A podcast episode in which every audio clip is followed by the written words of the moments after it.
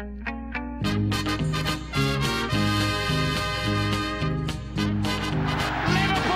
are champions of Europe again. Liverpool are prize winners again. Liverpool is in the record books.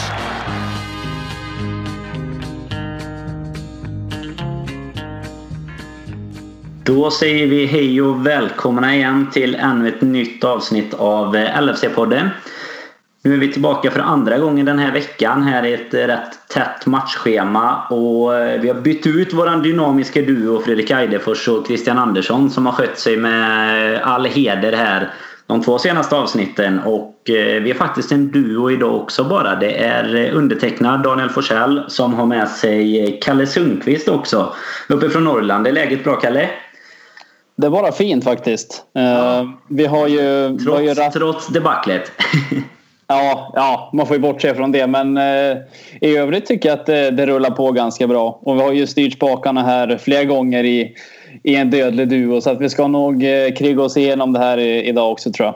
Ja, vi ska nog reda det den här eh, gången också. Och, eh, nej, det var väl... Eh, nu är det lite semestrar och sånt som står i vägen. Men det kanske bara är du och jag som har lyckats hämta oss så pass bra från matchen här i tisdags att vi, vi tog oss upp ur de djupa hålen och, och får podda lite här idag.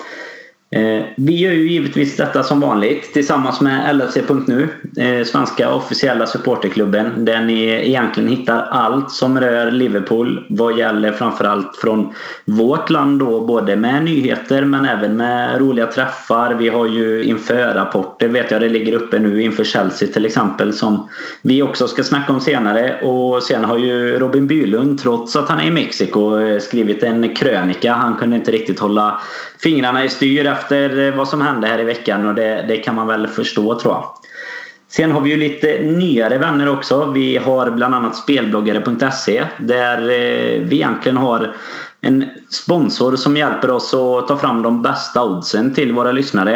Eh, de eh, har ju spelexperter och en egen podd till och med också som heter Uppsnack med Jonas och Sladjan och det är ju Jonas Dahlqvist och Sladjan Osmangic som egentligen snackar upp kommande stormatcher med både fokus då på Premier League och Champions League där vi ju lyckligtvis är inblandade i båda två och kommer ta upp lite om idag. Men man hittar egentligen eh, framförallt oddsjämförelser skulle jag väl säga. Men sen finns det mycket statistik och matnyttigt och sånt man kan eh, kika på förutsättningarna inför matcherna. Sen vill vi också slå ett litet slag i och med Black Friday som kommer här i, imorgon. Det är en stor shoppingdag som, eh, som vi har snott lite från eh, andra sidan Atlanten och då kör faktiskt våra kompisar på Sverigemotiv en eh, liten rea här. Och vi har ju en exklusiv tavla tillsammans med dem och supporterklubben från Istanbul och den, den Kalle kan väl du tipsa om att varje hem bör prydas med kan jag tänka mig. Ja, det tycker jag. Eh, har man ett, eh, ett stort Liverpool-hjärta och tycker om eh, nostalgiska matcher och, och, händelser så är väl det där eh, det ypperliga grejen att ha i sitt hem. Eh, så att eh, har ni inte lagt vantarna på på en sån så tycker jag absolut att ni ska ta tillvara på chansen nu när det är eh, bra priser under morgondagen. Så att eh, det är ett begränsat antal exemplar också så att eh, in på sverigemotiv.se och klicka hem en tavla.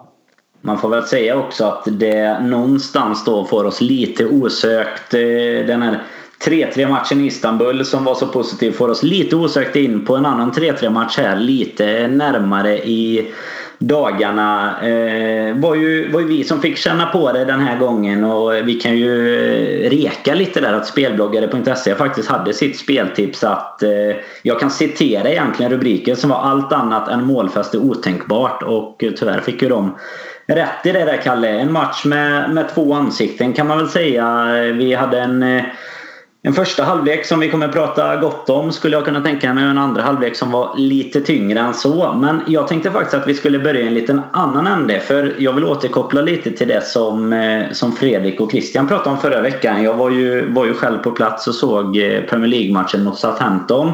Och kan väl, jag fick lämna en liten rapport till dem eh, kring stämning och sånt där. Men Sevilla borta, det var, det var något lite annorlunda än vad du upplevt på Anfield kan jag tänka mig inför det spektaklet som de körde inför matchen där. Ja, det var det verkligen. Eh, fantastisk eh, inramning med med sång och eh, lite ljusshow som inte jag är så mycket för. Gillar inte det där amerikansk influerade så jättemycket när det kommer till fotboll. Men stämning var det. Och den har väl varit sådär på Anfield på sistone. Eh, när vi var över, du, jag, Robin och Jocke där på Villarreal så var det ju det var nog senaste gången jag upplevde en riktigt bra stämning på Anfield. Så att eh, den får man gärna ta med sig hem nu och ta fram igen när vi möter Spartak i sista matchen. Så att, mm. Det är väl det man kan härröra lite till tycker jag. Att det känns som att eh, Anfield ändå kan tända till när det, när det behövs kanske och det är lite mer på, på spel. Men det är synd att det ska, ska krävas. Det kan man ju tycka med. Men, men det är klart, det får vi fortsätta diskutera i en annan podd här. Men eh, ta lärdom om ni ska, ska över från Sevilla-fansen och, och spänn piporna så eh, får vi hoppas att de bredvid er gör detsamma. Eh, men lite in på matchen då Kalle. Som sagt, första halvleken eh, började ju fantastiskt bra. Vi gjorde ett eh, hörnmål som tidigare inte har tillhört vanligheterna men bara efter någon minut så, så gjorde vi 1-0 och kom upp i vårt fjärde hörnmål på fem matcher. Och gjorde ju sen också vårt femte hörnmål på fem matcher nästan identiskt. Vi, eh, vi kan väl egentligen, vi behöver inte säga så mycket om målen. Vi, vi hade 3-0 i halvtid. Vi hade extremt bra med, med chanser även om det var lite böljande åt båda hållen då. Men vad tycker du så här med facit i hand? Var det liksom första halvleken, var det vi som var, var vi jävligt bra? Eller var, var det att vi var lite mer kliniska än vad vi har varit tidigare? Eller vad, vad kände du? Eller vad var, var liksom känslan i halvlek? Den var, måste ju varit bra men fanns den ens på kartan liksom att det skulle komma det som kom tyckte du? Nej, jag hade väntat mig en del mål. Det, det trodde jag faktiskt på förhand. Men att vi skulle leda med 3-0 i halvtid eh, trodde man väl kanske inte. Eh, vi gör ju en, en bra första halvlek. Inte så att vi är, att vi är helt överlägsna utan jag skulle mer säga att vi, som du, som du beskrev att vi är kliniska framför mål. Eh, och det är ju i grund och botten är ju det anfallsspel går ut på att göra mål. Så att uh, ur den aspekten så var vi väl kanske väldigt bra i första halvlek och det tycker jag att vi var. Så att sen har ju även Sevilla ett antal chanser i första halvlek också. Men... Det var ju extremt, man märkte ju tidigt att de skulle utmana våra ytterbackar och, och prova dem. Det, det, märkte man ju ganska tidigt och de hade väl... Det var väl efter det första målet som de egentligen hade två chanser som, som kanske borde varit mål till och med. Någon som eh, Karius räddade och, och fick innestolpen med öppen hand på där. Och det känns väl som att som att det ändå var så pass kassaskåpssäkert tyckte jag själv i alla fall när, det, när vi gjorde 3-0 att jag tyckte vi spelade jäkligt bra men det känns som att vi kom ut i andra halvlek med liksom en, en eh, tappad intensitet. Vi hade inte alls samma pressspel utan det var lite mer så här nu, nu håller vi ledningen här och ska man väl kunna spela på tycker man en 3-0 ledning men Håller du med mig där om att var, vi liksom går ut och vi sätter inte emot på samma sätt utan vi bjuder nästan in Sevilla till att, till att spela lite fotboll istället? Det tycker jag absolut. Eh, och det var väl det första Klopp sa efter matchen där i intervjun också att vi, att vi slutade spela fotboll i andra halvlek. Eh, de ville fortsätta på, på den inslagna vägen från första halvleken egentligen. Eh, vilket visade sig skulle straffa oss hårt. Så att för min, för min del går bara Champions League ut på att få med sig resultat, speciellt på bortaplan. Eh, och där hade vi i halvtid en, en 3-0-seger och hade packat ihop eh, grupp... Eller en 3-0-seger ska jag väl inte säga, en 3-0-ledning. Eh, och hade packat ner gruppsegern i en liten ask där som vi bara skulle som bara skulle låsa i, i andra halvlek. Men det lyckas vi inte göra tyvärr. Så att, eh, där ska man väl ge en liten känga till både Klopp och spelarna egentligen. Att inte nöja sig med kanske det offensiva spelet och, och ställa om taktiken till att försöka ha en lite mer defensiv inställning kanske till andra halvlek. Eh, och de besluten tog väl Klopp tycker jag när det redan var för sent egentligen när vi ledde med 3-2. Jag vet inte vad din syn var på det. Ja, men jag, jag, tycker väl att du är helt rätt ute gällande alltså spelstilen om man säger så. Man, eh, det, det handlar ju... Man, alltså på förhand hade jag väl känt kanske att att spela på kryss för att, att ha allt i egna händer inför sista matchen hade varit eh, okej okay också ända från start om man säger så. Men det känns som att vi har ju ett läge och det är ju full fart framåt. Och man brukar säga full fart framåt och håll tätt bakåt men jag fick eh, stoppa mig själv lite för det gör vi ju ganska sällan nu för tiden känns det som. Och det är väl egentligen så att där kommer vi in i ett problem att vi, alltså det, det, är ju någonstans tycker man ju, jag vet Robin skrev det i sin krönika, men det är så jäkla typiskt Liverpool. Det, det händer säkert andra lag med men kan inte tänka mig att det är några supportrar som sitter så ofta som vi och känner att det fan, man, har, man har gjort en riktig sån här eh, alltså bottennapp där man har nästan haft eh, kassaskåpssäkert egentligen. Och precis som du är inne på, vi, vi har ju gruppsegen klar egentligen känns det som i,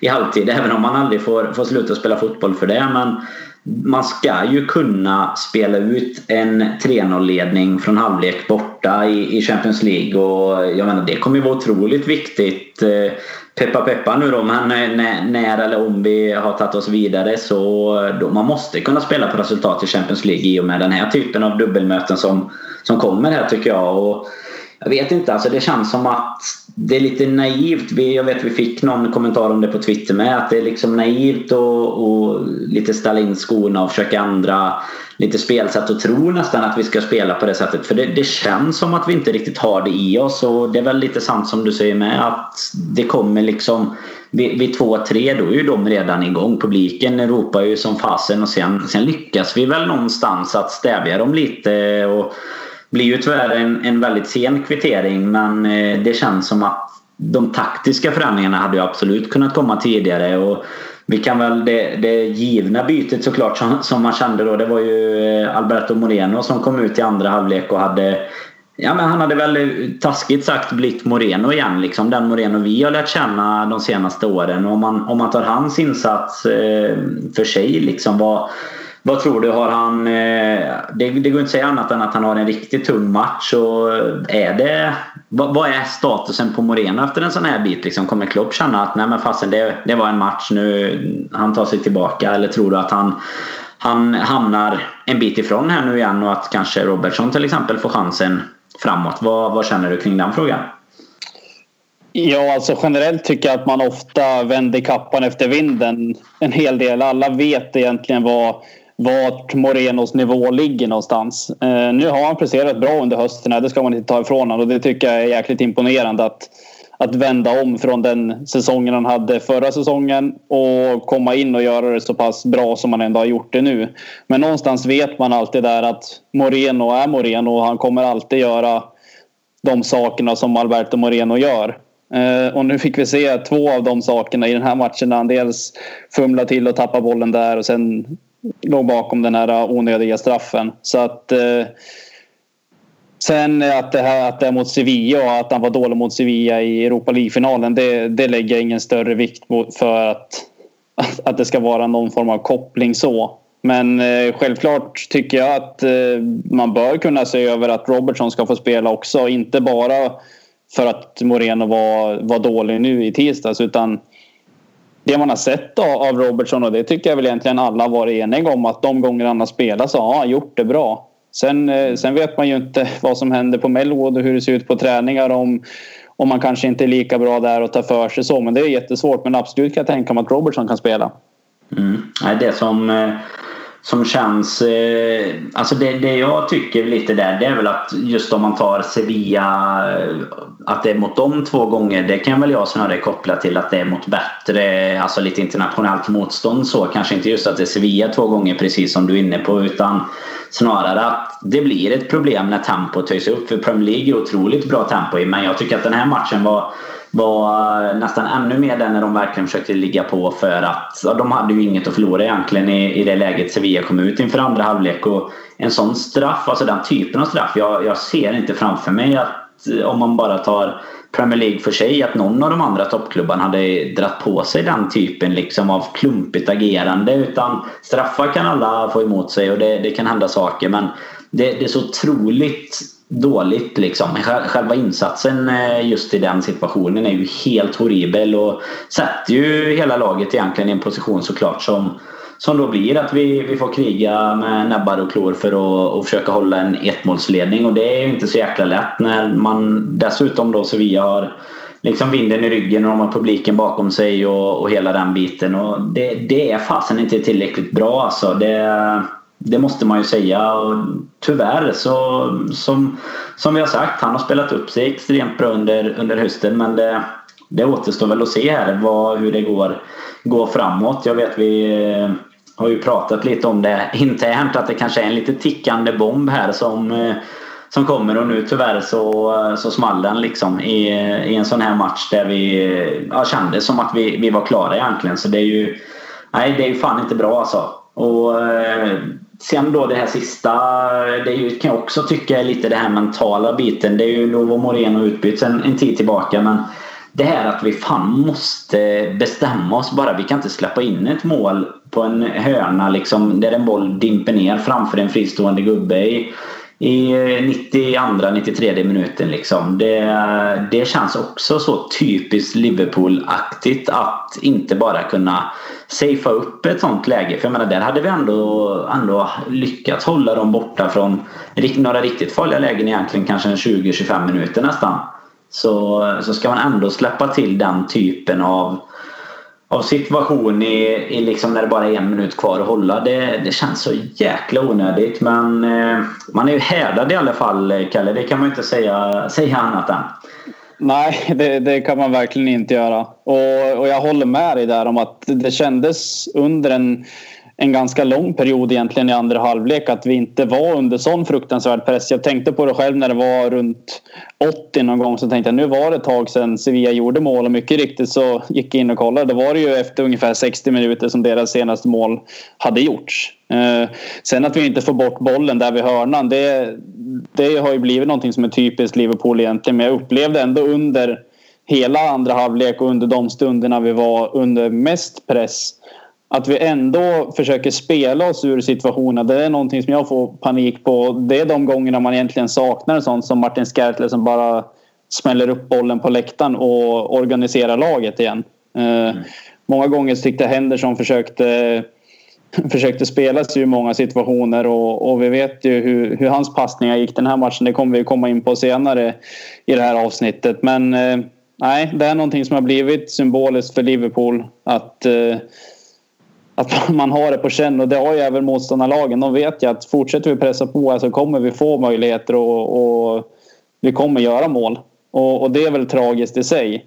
Sen tyckte jag Carragher var inne på en ganska intressant grej efter matchen som man tror att man, man kanske underskattar lite grann också. Han, han vägde in eh, publikens påverkan på, på hur det här blir och det har han ju garanterat erfarenhet själv av när de har spelat stora matcher på Anfield hur mycket en bra stämning påverkar. Och han menar ju på att Liverpool hade ett ypperligt läge när man gick in med 3-0. Publiken var less, de gick och gnällde på domaren. Det var dålig stämning inne på arenan men så fort så fort Sevilla fick någon, de fick någon onödig frispark som Liverpool drog på sig, fick lite momentum i matchen och sen gjorde de ett mål. Då märkte man ju själv redan hemma i tv-soffan att det var ett jäkla drag på läktarna. Och då får ju spelarna mycket mer energi. Som, det, det hjälper oerhört mycket och det är någonting man inte ska underskatta tror jag. Nej, jag är helt enig med dig där. Det, jag tänkte faktiskt på det själv men jag tycker inte man brukar känna det på samma sätt när man, när man kollar Premier League överlag nu för tiden faktiskt. Men man märkte väldigt tydligt för varje mål och, som kom då egentligen, eh, framförallt andra givetvis, eh, att det, att det pumpades upp eh, i och med att de närmade sig. Men även efter första målet och egentligen efter varje sån situation. Och det rapporterades ju till och med efter 3-0 målet att vissa började att lämna arenan. Så att jag menar då, då är de ju djupt ner och, och i besvikelse. Liksom. Och det är klart att man både kan, kan sänka laget och publiken i det läget kan, kan man känna. Och sen är det ju inte utan att vi själva har chanser egentligen att döda matchen, tycker jag heller i andra halvlek. Vi hade ju chanser på 4-2 också egentligen när de hade gjort eh, 3-2 målet då. Så att eh, lite kanske oskärpa i avsluten istället jämfört med första halvleken som också gjorde då att vi ehm, istället nu då för, för en klar gruppseger som det ändå kändes som att det skulle kunna bli så eh, har vi ganska mycket att spela för i sista matchen. Men det, det kan vi ta lite efter eh, efter bitarna kring den här matchen. För, men om man bara börjar där egentligen eh, kring kring själva matchen om man säger så Kalle. Vad, om, om jag hade frågat dig innan, nu var ju varken du eller jag med och poddade här inför den här matchen. Vad hade, liksom med en pinne ska vi med facit i hand nu om man givetvis bortser lite från sättet det skedde på då. Men ska vi vara nöjda liksom? Var det en bra poäng ändå eller hade vi tagit det? Om vi, ja, vi kan ju fråga så enkelt. Hade du tagit den om jag hade erbjudit dig eh, inför matchen? Ja, det tror jag nog att jag hade gjort. Uh, inför matchen så vi har ju inte haft eh, något vidare facit mot Sevilla egentligen och de framförallt på hemmaplan är de ju jäkligt starka. Jag läste att de inte hade förlorat på, undrar om det var 364 dagar eller någonting, så bra precis ett år var det sen de förlorade hemma mot Juventus i Champions League. Så att de är ju hemmastarka. starka. Eh, så att absolut hade jag tagit en poäng på förhand. Nu blir det ju en, en jävligt jobbig poäng på, eftersom när man ser till hur vi tappar de här två poängen som vi hade till godo. Men Nej, men det hade jag gjort. Jag vet det blir hur... nästan värre än en förlust liksom, kan jag känna. Alltså, det, man, eh, hade vi förlorat med 2-0 så kanske jag hade varit eh, ändå mer tillfreds med livet i allmänhet jämfört med, med så som det gick till eh, under den här matchen. För det hade jag ändå någonstans kunnat förvänta mig, eller vad man ska säga. Om vi hade gjort en okej okay match och åkt på eller en uddamålsförlust eller någonting. Sen är det klart att det är bättre att vi har med oss poängen. Men, men sättet det sker på är ju, är ju fruktansvärt egentligen tycker jag det, aj, det kan, man inte, kan man inte sticka under stol med att man eh, att man var, man var rätt så deppig. Det var en kollektiv jinx nästan av hela Liverpool-världen tror jag i halvtid där. Man var rätt nöjd med, med Firminos eh, no-look mål och man, livet var allmänt bra och så, och så tror jag att alla, alla som är på Twitter i alla fall bland Liverpool-fansen lyckades nog jinxa det kollektivt för en, en 3-3 här. Eh, vi får väl lyfta fram lite. Krille Andersson lyckades ju faktiskt tippa rätt i förra, förra podden. Så vi får både hissa och dissa han lite där för, för den eh, vetskapen. Nu tror jag inte att han hade varit inne och kollat eh, några bra odds på det tyvärr. Då, så han, han var väl inga stora kosing men eh, nej det, eh, det blir ju jäkligt bitter eftersmak så här. Och sen, sen vet jag att du har plockat fram lite men vi nämnde ju Henderson här innan. Vi hade faktiskt Anton Johansson på Twitter som han twittrade till oss och sa att eh, jag, jag, vill höra er snacka Henderson. Liksom. Det var urusel insats. Eh, det går inte att undvika att ta upp Henderson heller. Det är ju utan att eh, och liksom ha, ha jämfört statistik på precis varje spelare så vågar jag ju påstå att han var sämst på planen. Liksom. Det såg man ju med, med sina egna ögon bara där. Men, eh, du kan väl, eh, du kan väl berätta lite om, om eh, skräcksiffrorna får man väl kalla det? Ja, det är det verkligen. Ehm, framförallt, jag kan väl börja med det att jag tycker inte att han kanske inte bör spela i den positionen som man gör och det har vi ju pratat om jäkligt många gånger och det hade vi också fått en bra fråga på som vi kan diskutera sen om om vi verkligen är i behov av en defensiv mittfältare kanske istället för eh, istället för en mittback, till exempel van Dijk då. Men eh, passningsprocenten Henderson hade eh, nu i tisdags var 55 procent. Så att eh, nästintill varannan passning slår han ju bort då under matchen och, och bara det är ju, är ju skrämmande i sig. Eh, och sen eh, någonting som är ännu mer skrämmande är väl att han nuddade bollen 37 gånger. Och av de 37 gångerna så tappade han bollen 22 gånger. Och det är ungefär eh, ja, 60 procent av gångerna han har bollen så har han tappat den. De bolltouchen. Och, och, det är ju jävligt skrämmande. Jag vet inte. Vad har du att säga om den statistiken? Nej, men det är ju helt otroligt i den eh, positionen med. För det är ju precis som, som du säger. Vi har sagt det många gånger förr. Att det är nog ingen av oss egentligen som kanske tycker att Andersson ska spela i den defensiva mittfältsrollen. Men eh, när, när, han väl gör det, liksom, han är ingen dålig passningsspelare överlag skulle jag inte säga. Så han slår ju ofta mycket passningar. Sen är han ju en... Eh, han älskar ju de här enkla passningarna med, med mittbackarna liksom. Och väger man in det, nu vågar jag inte säga precis hur många som gick den vägen i den här matchen. Men väger man in den biten så blir ju bara statistiken ännu värre. För att mycket av hans passningar är ju ofta väldigt enkla passningar. Så att det gör ju att den statistiken kanske till och med blir fasen lite förskönad eh, om man jämför. Och statistik ljuger ju inte i ett sånt här läge i alla fall. Att slår man bort hälften av passningarna och, och jobbar som defensiv mittfältare i, i Liverpool då är det ju något otroligt fel. Och då ska man inte glömma att det är ju hela matchen där vi även hade en halvlek som vi fasen eh, dominerar och, och vinner med 3-0 egentligen. Så nej, det, det får väl oss lite att lyfta frågan igen här egentligen kring kapten. Alltså vi, vi har ju lyft den frågan ända sen vi, eh, kommer jag inte ihåg vilka av oss det var, jag var en av dem i alla fall som eh, hojtade lite för att Emre skulle fått binden då när, eller det var givetvis inför eh, förra säsongen var det då när Henderson blev kapten. Eh, den frågan är ju ständigt aktuell kan jag tycka och det har faktiskt blivit, det blev en liten diskussion här på Twitter idag när vi la upp att vi skulle spela in eh, detta avsnittet. Så drog Pierre Eriksson eh, började ställa en fråga och så var det några som hängde på honom där kring valet av kapten och egentligen allmänt då den här avsaknaden av ledare som vi har i vårt lag. Eh, men om vi bara börjar där liksom. Vi fick frågan från Robin Karlsson här. Vem, vem hade du sett som kapten? Liksom, vad, vad är alternativet och, och varför då givetvis om du nu har en bra, en bra kandidat till positionen? Ja, alltså generellt sett i hela laget tycker jag att vi har en avsaknad av, av ledare. Sådana spelare som agerar ledare på planen. Så att eh, där är det ju svårt egentligen att hitta någon som kan leda på det sättet som kanske en... Eh, nu var ju kanske inte en Gerard den typen av ledare heller men en sån spelare som Carragher till exempel som styr och ställer och skriker och, och får, får spelarna att tagga igång lite grann. Det var ju någonting som Henderson helt avsaknad i den här matchen. Inte en gång såg man att han liksom försökte snacka ihop laget och, och få någon typ av kontroll på det utan lät det bara tugga vidare. Och skulle man inte ha någon bindel på någon så skulle man inte ha en aning om vem som var lagkapten. Eh, så att den frågan om vem som, vem som man skulle kunna sätta som kapten är ganska svår. Jag skulle nästan vilja se den på någon av våra stjärnspelare. Eh, och låta dem liksom lead by example som de säger. Och vem den nu ska vara kanske svårt att sätta den på Coutinho i det här läget när han har varit mycket rykten om att han vill lämna klubben och sådär. Så att generellt har jag svårt att peka ut en kapten i laget. Eh, har du någon sån här på rak arm som du skulle vilja se binden på eller?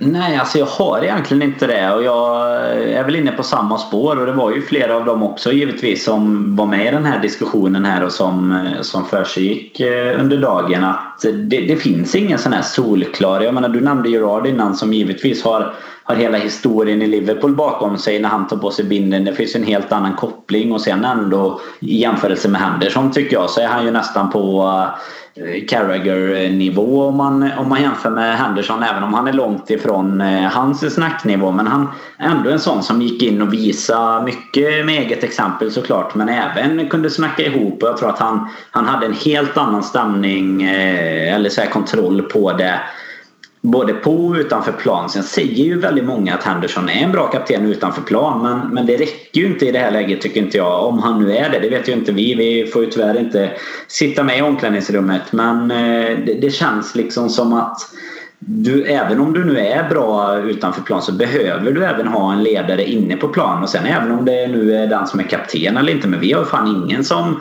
som tar tag i det vid, vid två, tre liksom och säger att vad fasen nu, nu samlar vi ihop oss här. Nu måste vi, fan nu höjer vi oss liksom.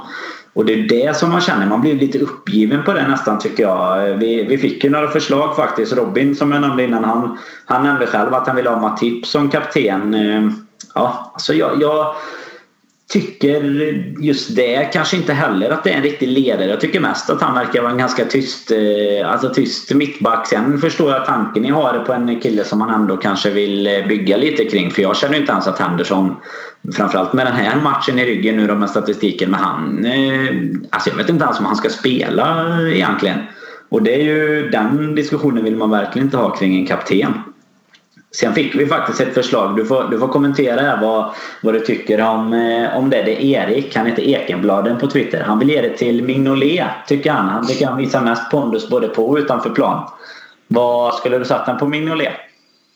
Nå, nej, jag tror inte jag hade gjort det. Han, han fick ju ha den nu eh, för någon matchen här och, och det, det uppskattar han ju märkte man. Han var ju, pratade ju länge om den där, den där matchen och det förstår jag att det, det kan vara en stor upplevelse för honom. Samtidigt så Ja, han spelar varje match i ligan så att eh, ur den aspekten skulle man kunna ge en kaptensbindel men det har vi även många andra spelare som gör. Så att eh, jag tycker inte Mignolet är den spelaren heller. Man, jag tycker knappt att man ser att han snackar med backlinjen. Eh, och försöka få honom då att snacka ihop ett helt lag, det är också svårt att se.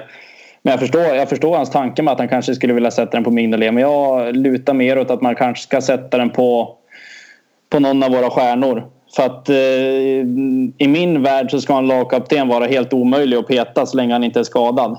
Eh, och så är ju inte fallet med Henderson nu. Det är nästan som att ja, man inte tycker att han ska spela. Och, och, så ska det inte få vara. Jag flaggade förut för vet jag att man ska, även om vi skulle få in van Dijk att den typen av spelare skulle kunna vara, vara en lagkapten. Att man får in en spelare utifrån men det är, det är oerhört svårt. Det är många saker som spelar in. Framförallt i Liverpool är min känsla att man ska komma in, man ska lära känna klubben, lära känna staden. Det är mycket tradition som ska spela in innan man blir lagkapten i ett lag. Och, så att det, det där är en oerhört svår fråga. Sen blir väl problemet, tycker jag i alla fall personligen, med Mignolet och det blir ju också det som du nämnde att nu har Klopp uttalat att vi har två egentligen olika målvakter. En cupmålvakt och en ligamålvakt och som kanske jag inte heller hoppas är gjuten i klubben i framtiden utan nu, nu har han ju stått eh, ganska många år här men han har ju haft sina motgångar och, och fått eh, nöta lite bänk emellanåt också. Och där känner jag väl också att det finns en sån osäkerhet att Ska, man, ska han då till exempel ha binden och så är han inte heller eh, given i truppen egentligen precis på det samma sätt som jag känner kring Henderson just nu. Då, då tappar vi lite det där men då, då är det egentligen ditt exempel tycker jag som man kan skriva under på. För jag känner väl också egentligen det här att en kapten ska ju vara, egentligen ska ju det vara den första ner på pappret på laguppställningen. Det, det tycker jag verkligen. Och klart att då blir det ju någon av storstjärnorna som kanske inte heller är de här naturliga ledarna men som istället då kan göra det via, eh, alltså lite som du var inne på då, lead by example istället för att inte leda alls egentligen. Varken genom exempel eller, eh, eller med verbalt, alltså snacka sig in i matchen. Men, eh, men gå, fasen, gå gärna in på vår Twitter, LFC-podden heter vi ju där och, och fortsätt den diskussionen. Det, vi försöker interagera så mycket vi kan eh, med våra lyssnare och det är jäkligt roligt när det blir lite sådana diskussioner och man lyfter det. Och vi försöker alltid ta upp det här också så det är alltid kul med, med det som är aktuellt. Liksom. Så, så in där och, och diskutera. Och det var ju lite, du var inne på det innan Kalle, det har varit en en liten diskussion till. Eh, Andreas Isaksson var det som lyfte den egentligen. Som undrar, du kan få börja svara här, undrar om, eh, om en defensiv mitt till och med är viktigare att ta in just nu än en mittback. För vi har ju haft det problemet ganska länge faktiskt med defensiv mittfältare också. Precis som backlinjen då. Vi har inte haft någon riktig städgumma som är defensivt inriktad eh, precis framför där. Och vi fick lite, lite förslag på både Matip och Emre Can som, eh, som spelade där. Men vad, vad känner du? Har vi den typen av spelare redan i laget eller är det eh, kanske den viktigaste positionen att få förstärkning på? Ja, vi har väl ingen riktigt uttalad defensiv mittfältare så som är en, en Kanté-typ om man säger. Det har vi ju inte. Eh, och den som skulle passa bäst in i den rollen är väl Chan för mig egentligen. Även fast jag inte tycker att det är hans bästa position. Jag tycker att han ska, ska ges mer utrymme och, och löpa offensivt än så. Men jag tycker han har de kunskaperna och fysiken för att klara av den uppgiften. Sen om det är viktigare att välja att värva en, en defensiv mittfältare istället för en mittback. Det tycker jag inte är dagsläget i, i januari i alla fall. Men det är absolut någonting man måste se över till sommaren. Uh, är väl ganska eniga tycker jag om att det är försvaret som är vår absolut största, största svaghet. Så att där är det väl vi ska förstärka i första hand tycker jag. Eh, men eh, sen ska vi ju absolut se över den positionen till sommaren. Vi kommer ju tappa Chan bland annat, mest troligt, i sommar och det ska fyllas på med med mittfält och där kommer ju Keita in som en ersättare till Chan kan man tänka i den positionen för han är ju inte heller en defensiv mittfältare som som många har målat upp en bild av. Så att eh, det är nog någonting vi kommer värva till sommaren men inte i januari nu tror jag tyvärr. Mm, jag tänkte vävt in den lite där. Vad, vad är sannolikheten i, i Kalle Sundqvist tycker mellan 1 och 10 att Emre Can spelar i Liverpool efter ja, start nästa säsong kan man väl säga då? Ja, det är nog det minsta. Ett då. Ja, det är det. det du ja. är relativt säker. Det känns ju faktiskt lite så nu, både nu när jag var över och kikade och även den här matchen då när han får starta på bänken. Det känns som det han börjar bli lite utfasad faktiskt, kan jag tycka. Även om det, det kan finnas anledning efter en, en 3-0 mot SA-15 och ett bra spel och, och behålla liksom samma spelare så känns det som att han låg närmare laget innan tycker jag än vad han gör nu. Ja, absolut. Jag tycker det ja, det känns som att han är redo att ta nästa steg. Jag tror han har högre ambitioner än, än där Liverpool är i dagsläget. Och har de inte lyckats lösa ett kontrakt nu så kommer de inte göra det under våren heller. Det jag jättesvårt att se. Mm, tycker så. du det är rätt att man eh, fasar ut en spelare så? Alltså, eh, för jag menar det är klart att någonstans måste ju grundtanken vara att det ska vara så bra som möjligt just nu.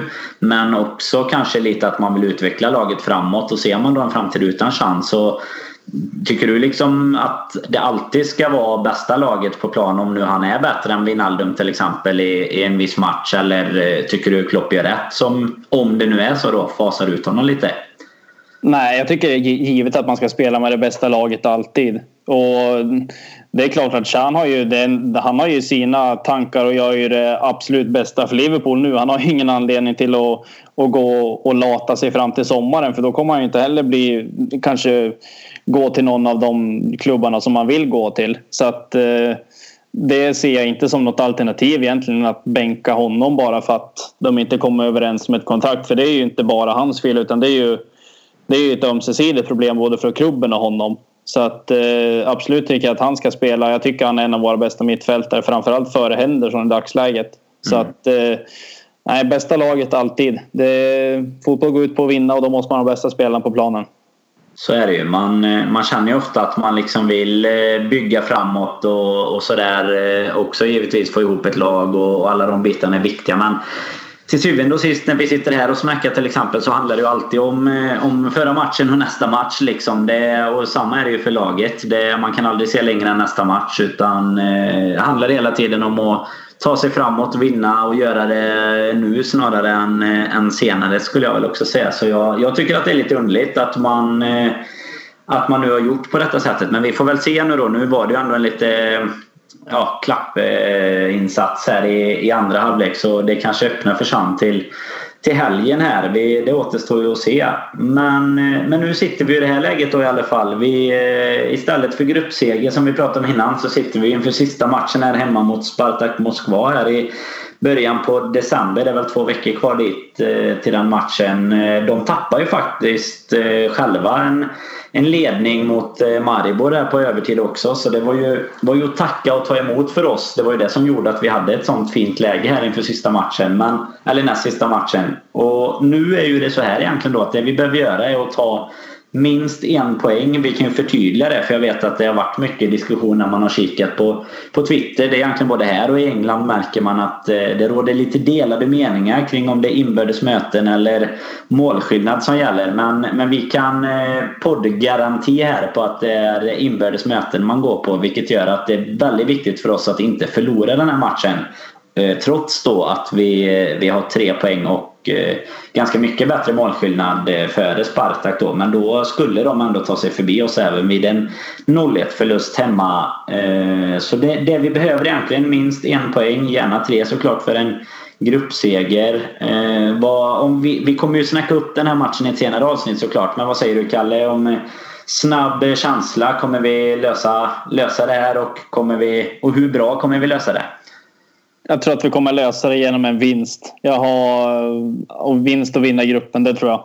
Mm. Jag, tycker, jag tycker att vi är ett betydligt bättre lag än, än Spartak Moskva. Eh, vi gjorde ingen jättebra match mot dem borta egentligen och nu har de visat flera gånger i, i det här gruppspelet att de, att de har sina svagheter. Så att, eh, jag tror att vi kommer vinna mot dem hemma och vinna gruppen.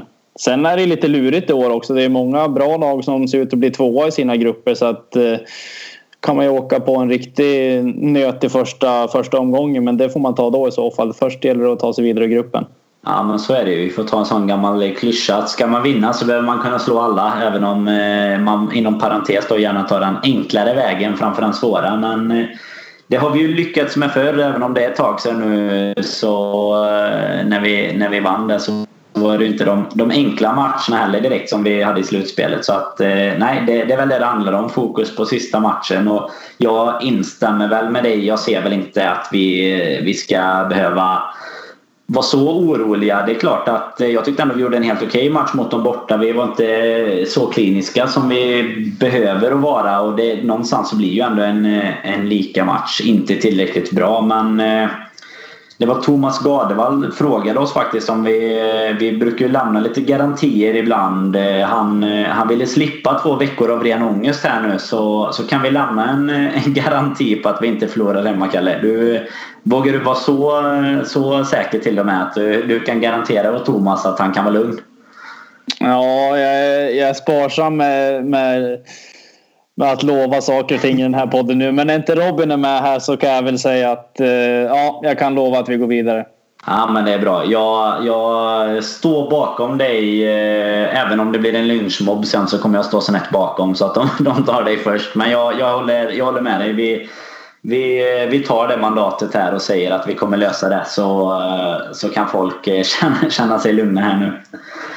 Eh, någonting däremot då som vi, som vi också hoppas vi ska lösa givetvis. Vi har ju eh, inte bara, bara rolig Champions League att se fram emot. Vi har ju eh, dels då en jättefin match till helgen som kommer eh, mot Chelsea hemma och vi går in i en period nu av väldigt intensiv eh, Premier League-fotboll och, och, det är ju, jag älskar ju det. Jag, du vet ju vad jag tycker om om landskamper och det vet ju de som lyssnar här så att eh, det är ljuvligt att det är gjort för ett tag här nu tycker jag och vi kommer ju spela väldigt många matcher här ända fram till nyår egentligen. Det är lite mer än en månad som är kvar dit nu då så att eh, vi står ju egentligen inför en jäkligt viktig match eh, i helgen tycker jag. Vi, vi behöver hänga på toppen. Vi, vi har ju ändå häng på egentligen alla utan eh, City kan man väl säga. Det är ju ingen som riktigt har. Eh, och vid seger i helgen kan vi ju faktiskt gå på samma poäng som Chelsea. Som, eh, de är ju trea just nu då. Eh, vad, om du bara lite så här känsla nu efter en sån här match eh, från Champions League då. Tror du kan vi studsa tillbaka? Eller hur mycket påverkar liksom det som hände i Sevilla? Hur mycket påverkar det laget inför, inför helgen här nu? Ja, det är klart att det påverkar lite grann men inte, inte speciellt mycket tror jag. Utan eh, man får tänka på att det är två, två skilda turneringar. Nu är det Premier League till helgen och så får man ta tag i, i Champions League sen när, när vi ska spela sista matchen där. Så det tror jag inte kommer ha sån jättestor betydelse nu på lördag när vi möter Chelsea. Det tror jag inte. Nej, och vi kan ju nämna det är ju, det är sen avspark där på lördag. Eh, vi har ju ett Chelsea som har tuggat igång ganska bra nu. Trea som sagt. Och de, de börjar ju lite knackigt. De börjar ju med en plump mot Burnley där hemma. Och de har även eh, förlorat mot Crystal Palace. Eh, men nu då så står de egentligen på fyra raka segrar här. De, har, de tre senaste i ligan har de inte släppt in något mål. De har ju slått United bland annat där.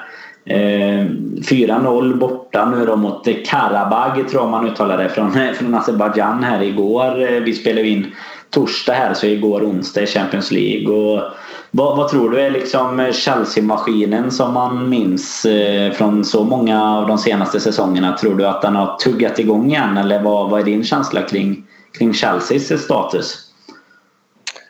Ja, jag tycker de är lite svår, svårbedömda Chelsea. De har gjort en bra säsong tycker jag.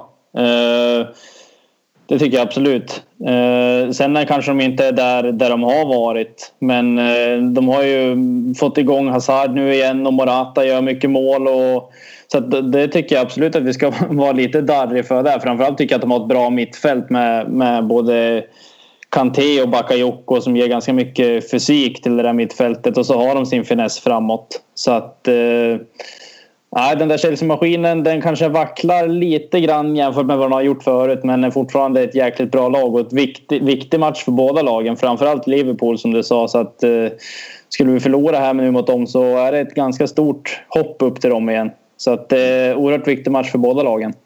Ja men så är det ju absolut. Nu, vi kan ju passa på att lobba in lite här då med att med, med alla nollor eh, som Chelsea har hållit det senaste och så kikar vi upp lite här innan att eh, det bästa oddset man kan få på att de faktiskt lyckas hålla nollan igen mot våran eh, maskin den är ju i alla fall eh, intakt framåt om man säger så. Där, där är den ju stabil och, och levererad och har, har ett spelbolag faktiskt bjudit på så pass bra som 4,80 på att Chelsea ska hålla en nolla men vi, vi avslöjar inte vilka det är utan vi säger att ni får kika in på spelbloggare.se så, så ska ni kunna hitta det. det känns väl eh, som att det är ett väldigt bra odds med den statistiken Chelsea har. Men sen är det klart, vi har, eh, vi har fortfarande ett anfall som levererar. Det kan vi inte säga något annat än. Så att, eh, vad, vad tror du där? Är det en, Alltså det har ofta varit ganska tillknäppta matcher mot, mot Chelsea nu det senaste. Men sen har vi ju, minns vi ju några matcher som har varit väldigt öppna fram och tillbaka. Och vi har ju två segrar bland annat på bortaplan för Klopp nu då mot, eh, mot Chelsea. Men lite tuffare hemma. Vad, vad, vad är, liksom, är det en bra känsla tycker du som, som man går in med inför en sån här match? Ja, det är en ganska, ganska svår känsla. Jag tycker inte att vi går in i matchen som favoriter som eh, många spelbolag kanske vill sätta upp oss till som små favoriter till den här matchen. Det tycker jag inte. Utan jag tycker det är en ganska, ganska öppen match på förhand. Eh, vi har en bra offensiv som, som eh, är van att göra mål och mycket mål på hemmaplan framför allt. Eh, så Ja, så stora favoriter tycker jag inte att vi har. Så det är en ganska tuff känsla att gå in till den här matchen tycker jag. Jag vet inte, din känsla. Du brukar ha en, en god feeling inför matcher. Hur, hur är det nu?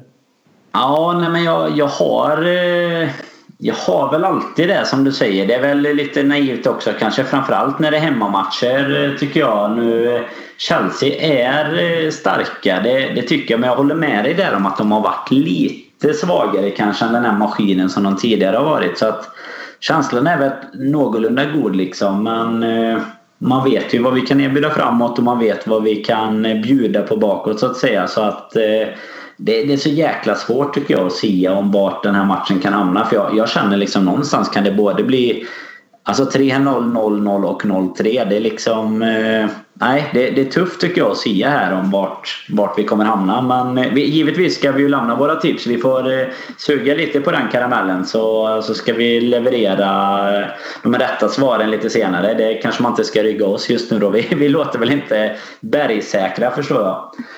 Eh, vad, vad, tror du om man tänker bara inför matchen här nu då? Rotation efter, eh, vi pratade ju om Moreno och Henderson. Tror du vi kommer få se något, något annat på lördag eller eh, blir det ett liknande lag som har ställt upp de här matcherna nu?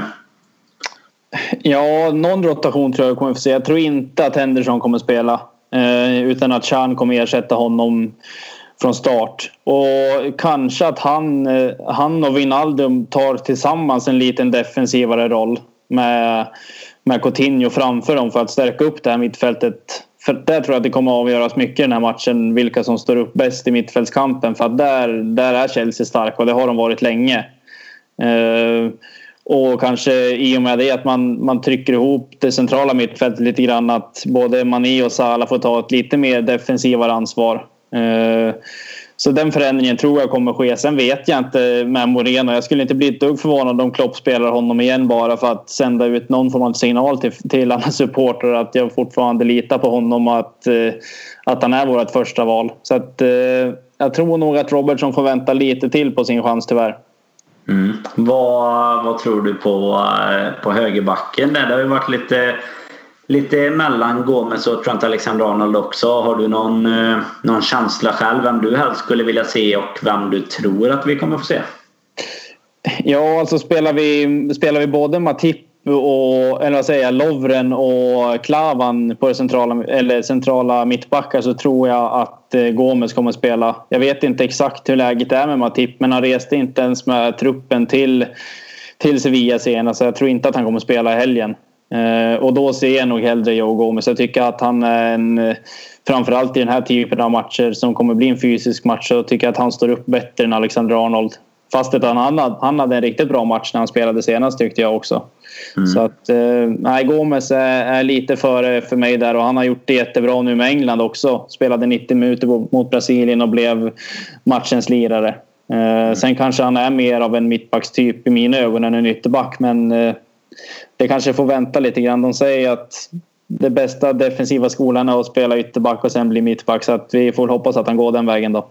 Ja, nej, jag vet att de eh, grabbarna Fredrik och Krille diskuterar ju det lite eh, också kring, kring hans vara i truppen här och, och vart framförallt han skulle spela kanske. Men eh, nej, jag, jag är väl inne på samma bit som dig där att han skulle gärna få spela mittback för min del jag twittrade själv ut att jag äntligen skulle få äran att se eh, Lovren och Klavan tillsammans på plats innan matchen mot Southampton. Och nu löste det sig ganska bra men lite tuffare här i, i veckan då. Jag hade väl gärna sett gå med som mittback egentligen men eh, kanske inte till hans första test kanske inte ska vara Chelsea egentligen. Det, det kan jag känna. Även om det gick väldigt bra mot Brasilien så sett så, så eh, känner jag väl att eh, jag skulle kunna hålla honom på högerbacken också. Men med brasklappen att jag tyckte att Trent var riktigt, riktigt bra när, när jag var där och kikade. Man, man får ju ett lite annat perspektiv. Kanske till det sämre i vissa fall också tycker jag när man är på plats. Att eh, man, man ser ju alla på ett helt annat sätt än vad man kan följa dem på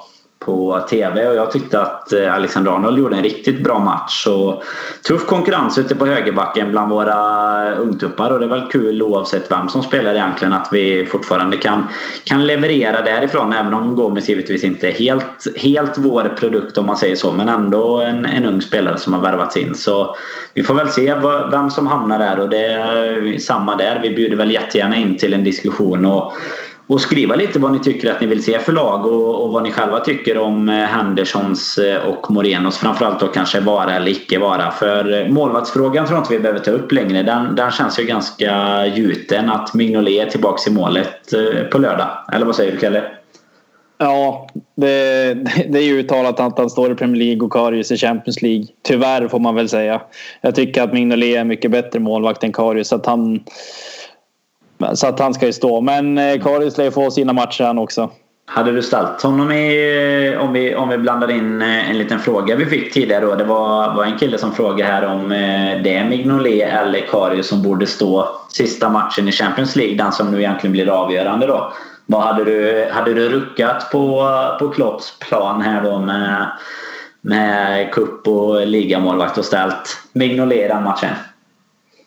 Ja, jag sa ju tidigare att de bästa spelarna alltid ska spela så att, eh, och jag tycker Mignolet är bättre än Karius så att eh, jag får väl säga det. Men jag, jag, ser, det som, jag, ser, det som, jag ser det som svårt att det händer. Jag tror att Karius kommer fortsätta stå i Champions League tills vi åker ut.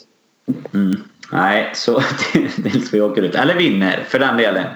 ja, ja, men tills Champions League är över då om vi säger så. Tills Champions League är över, ja precis. Till, slu till slutet på maj där så kommer Karius eh, vara given i Champions League. Eh, vi eh, har ju lite tävling också givetvis som alltid. Vi har vår egen tipstävling som ni hittar på Twitter, LFC-podden som vi nämnde innan här.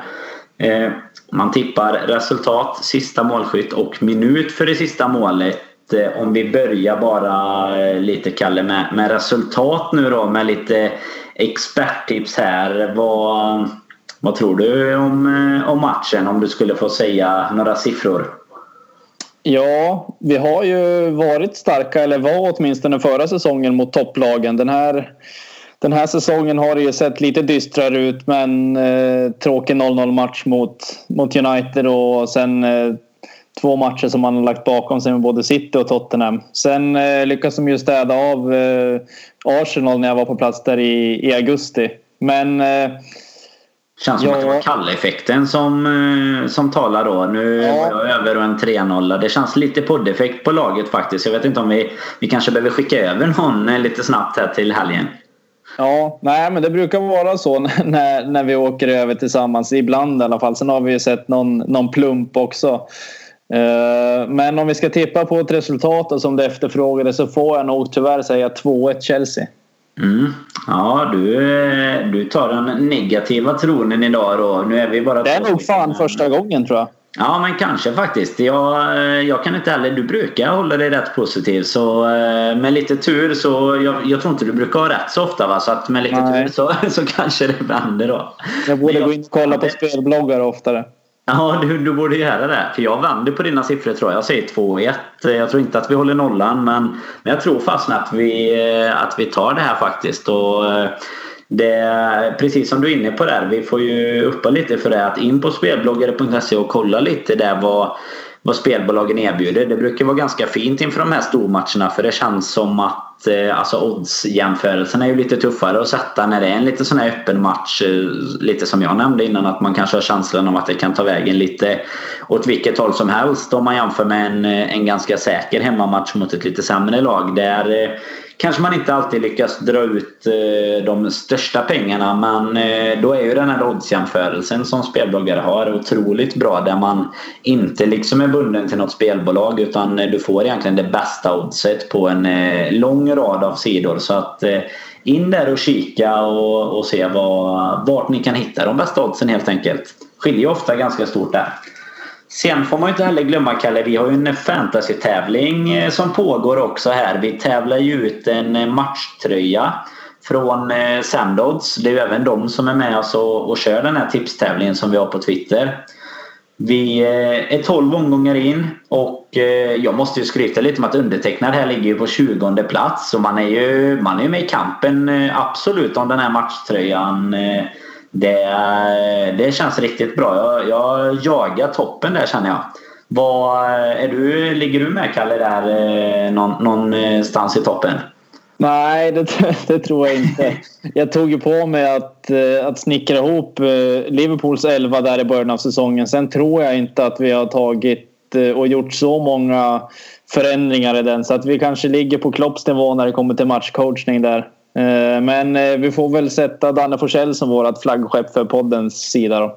Ja, vi går på de uttalade ettorna helt enkelt. Vi känner att vi, vi går på en trupp och sen håller vi oss till den. Har vi sagt Moreno så ska vi fasen ha Moreno också. Det, det är lite så vi, vi, vi jobbar i det laget. Vilka toppar, eh, vilka toppar ligan där då? Kan du ge mig en liten update?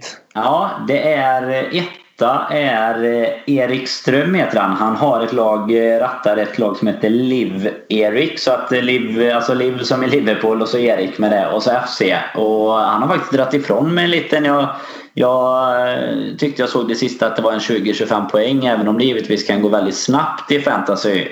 Så, så han har gjort en liten dragning där och han leder faktiskt före Lars Wikman som, som var ledare sist när vi för ungefär sex omgångar sedan här när vi drog en liten update också då. Han eh, har ju lite Hoffenheim-koppling där. TSG 1337 Wikmanheim. Så det känns som att han har en liten förkärlek till, till den tyska klubben också. Och sen, eh, sen var jag faktiskt tvungen att ta med trean också för det var så jäkla gött namn. All about the Mané istället för Money där då. Han har, han har toppat ligan en gång i tiden. Han har till och med toppat. Det är Sebastian Jönsson som, eh, som rattar om. Eh, låter stabil och han har hållit sig i toppen ett bra tag. Precis som Lars Wikman eh, har gjort där då. Ja, jag tror när vi gav den första updaten där så var det All about the money som låg i, låg i toppen. Och det är ju i viss mån. I, ibland i alla fall. Ja absolut och då är, ja, det här är verkligen och Salla får man eh, får han lägga till till nästa säsong men jag tror inte man kan göra namnbyten eh, under säsongen men det låter jag vara osagt.